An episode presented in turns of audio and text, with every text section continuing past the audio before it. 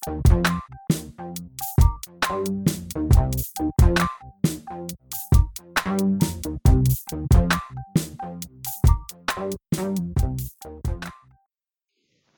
semuanya, balik lagi bareng gue di Opsiana Podcast ya. Di episode kali ini gue pengen bahas tentang berbisnis di tengah pandemi. Dan episode kali ini bukan tips and trick ataupun pembahasan ya. Gue lebih pengen episode kali ini lebih ke arah sharing. Mungkin buat temen-temen yang ngikutin Opsiana Podcast udah sadar bahwa uh, dari episode yang kemarin gue upload itu sampai sekarang gue upload lagi itu jedanya udah sekitar satu bulanan dan memang hal ini bukan hal yang pertama kali sih. Jadi beberapa kali gue pernah jeda selama sebulan untuk gak upload. Selain buat refreshing nyari topik lagi juga karena memang ada kesibukan di saat itu. Cuma uh, di bulan ini ada sedikit perbedaan. Karena di bulan ini akhirnya gue memutuskan untuk gue bakalan mulai berbisnis lagi. Gue belum bisa cerita bisnis apa yang gue jalanin sekarang ini tapi yang bisa gue pastiin dan bisa gue ceritain adalah bidang bisnisnya ini berbeda dengan bidang yang pernah gue jalanin sebelumnya. Makanya butuh persiapan ekstra untuk mempersiapkan bisnis ini. Gue perlu belajar lagi dari awal gue perlu lagi melakukan perhitungan riset lagi dan masih banyak lagi yang gue lakukan. Dan hal itu memakan waktu satu bulan sampai gue nggak upload episode terbaru.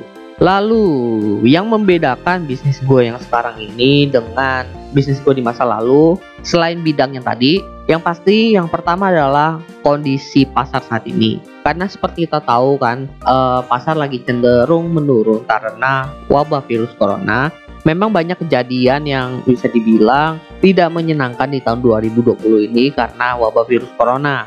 Banyak orang yang di PHK, banyak perusahaan besar yang dulu berdiri kokoh mulai kolaps tapi di sisi lain banyak UMKM UMKM baru yang bermunculan dan juga banyak orang-orang yang bisa dibilang kreatif mulai berkarya di tengah wabah virus corona ini. Jadi bisa dibilang di tahun 2020 ini kondisi pasarnya sangatlah berbeda dibandingkan dengan saat awal pertama kali gue memulai bisnis. Itu yang pertama. Lalu yang kedua, pengalaman dan juga pengetahuan. Jelas ya, eh, ketika dulu gue memulai bisnis itu, gue belum tahu banyak hal tentang dunia bisnis. Cuma ya kulit-kulitnya aja lah, belum pernah terjun langsung. Sedangkan kondisi saat ini gue udah punya pengalaman, gue juga uh, ngehandle beberapa klien di mana gue ketika itu ngurusinnya memang secara tidak langsung sih tapi ketika lu ngebuat sebuah aplikasi lu kan harus mengetahui proses bisnis dari klien lu terus gue juga mulai banyak belajar ketika gue fokus di Opsena Podcast gue fokus ngebuat studi kasus di situ gue belajar banyak tentang strategi-strategi yang diterapkan oleh bisnis-bisnis yang ada di Indonesia dan juga di dunia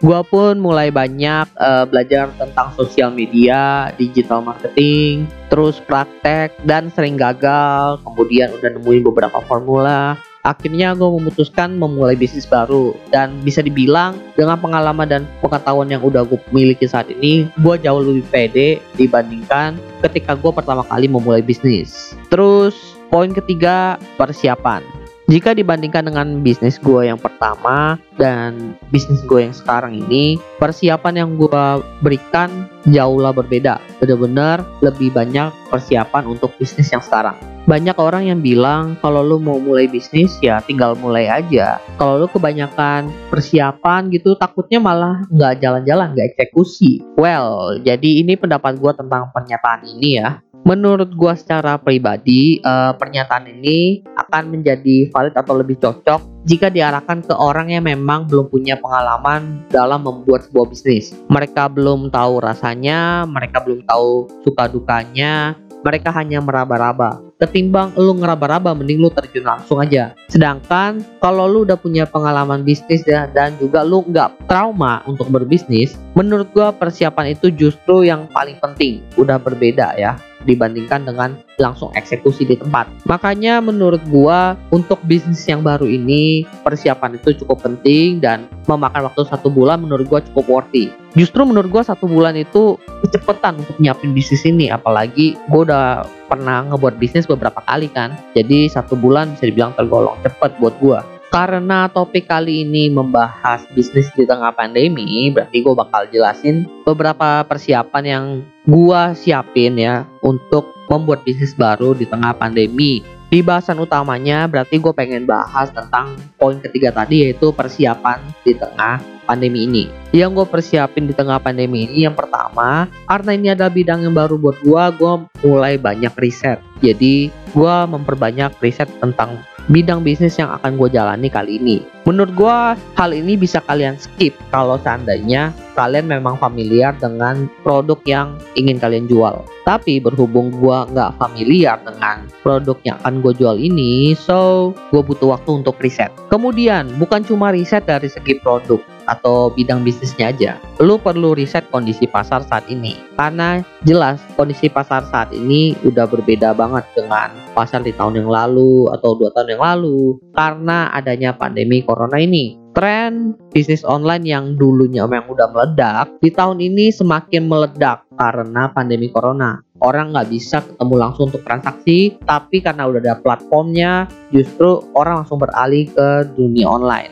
Akhirnya banyak orang yang beralih ke dunia online, muncullah banyak kompetitor-kompetitor. Entah itu kompetitor lama yang dulunya offline jadi online atau kompetitor baru yaitu UMKM UMKM yang baru banget di dunia bisnis. Terus gue juga mempersiapkan strategi apa yang akan gue lakukan ketika bisnis ini launching di tengah pandemi corona ini bagaimana cara gue mengikat customer, bagaimana caranya gue untuk uh, mendeliver produk gue kepada customer. Pokoknya gue mulai banyak riset-riset tentang hal seperti itu. Kemudian gue mempersiapkan produknya. Karena produk ini belum bisa gue produksi sendiri, gue mulai mencari yang namanya supplier. Dan beruntung aja, Meskipun wabah virus corona sampai sekarang belum jelas akan berakhirnya kapan, tetap bisnis-bisnis yang sifatnya supplier atau produsen itu tetap berjalan. Sehingga buat teman-teman yang mau memulai bisnis atau UMKM yang masih mencari produk,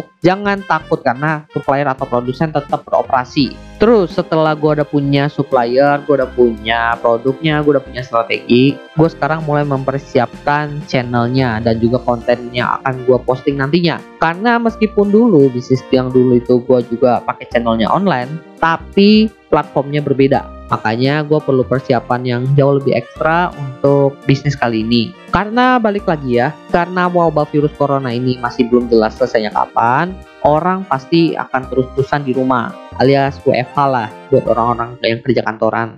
Dan kelamaan di rumah itu membuat kita cenderung menjadi lebih cepat bosan.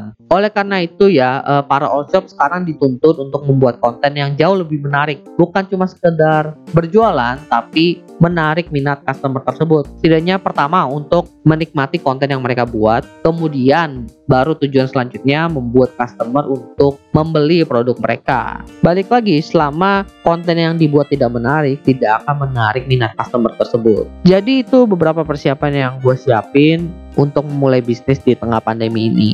Dan tentunya masih banyak strategi strategi-strategi lama yang masih bisa diterapkan, mungkin seperti endorsement, uh, seperti email marketing, dan masih banyak lagi yang masih bisa diterapkan. Cuma mungkin efektivitasnya udah berbeda ketimbang di tahun sebelumnya, sebelum wabah virus corona melanda. Tapi ada tapinya nih, meskipun kondisi pandemi saat ini masih belum jelas selesainya kapan, tetap aja kondisi pandemi ini hanyalah kondisi sementara. Meskipun banyak perubahan yang terjadi dari tahun sebelumnya dibandingkan tahun sekarang, namun perubahan sebenarnya adalah setelah kondisi pandemi ini berakhir, benar-benar berakhir. Apakah setelah kondisi pandemi ini berakhir, kita masih bisa work from home? Terus, apakah ketika kondisi pandemi ini sudah berakhir, kita akan bertransaksi di toko offline lebih banyak ketimbang di toko online? Dan kalau seandainya pandemi ini sudah berakhir, apakah pertemuan kita dengan orang lain itu akan lebih banyak ketemu langsung atau ketemu secara online? Nah, kita belum tahu kondisinya nanti ke depannya seperti apa. Tapi yang bisa kita lakukan adalah memprediksi hal tersebut. Dari situ buat teman-teman yang udah menjalani bisnisnya sekarang di tengah pandemi, menurut gua kita udah harus mempersiapkan strategi ke depannya setelah pandemi ini berakhir. Karena balik lagi, setelah pandemi ini berakhir, pola konsumsi dari customer mungkin akan berubah. Sehingga bisnis yang kita jalanin itu pun harus menyesuaikan dengan customer. Karena balik lagi, kondisi sekarang masih sementara, artinya bisnis kita itu juga mengikuti pola pandemi. Makanya jangan jadi bisnis yang bisa dibilang bisnis musim corona lah. Setelah corona bubar, totonya bisnisnya ikut bubar. Jangan seperti itu. Oke, okay, uh, eh, gua rasa itu aja yang ingin gue bahas uh, untuk sharing kali ini. Semoga bermanfaat buat teman-teman dan buat teman-teman yang mau ngejalan bisnis. Semangat juga karena di tengah pandemi ini yang masih belum jelas sampai kapan, kita tetap harus berjuang. Oke, okay, jangan lupa buat teman-teman yang belum follow Opsiana Podcast, silahkan follow Opsiana Podcast di @opsiana_media lewat Instagram. Karena situ akan ada info-info menarik tentang update Opsiana Podcast tentunya. Well, gua rasa itu aja. Thank you buat teman-teman semua. See you next time di episode selanjutnya. Bye.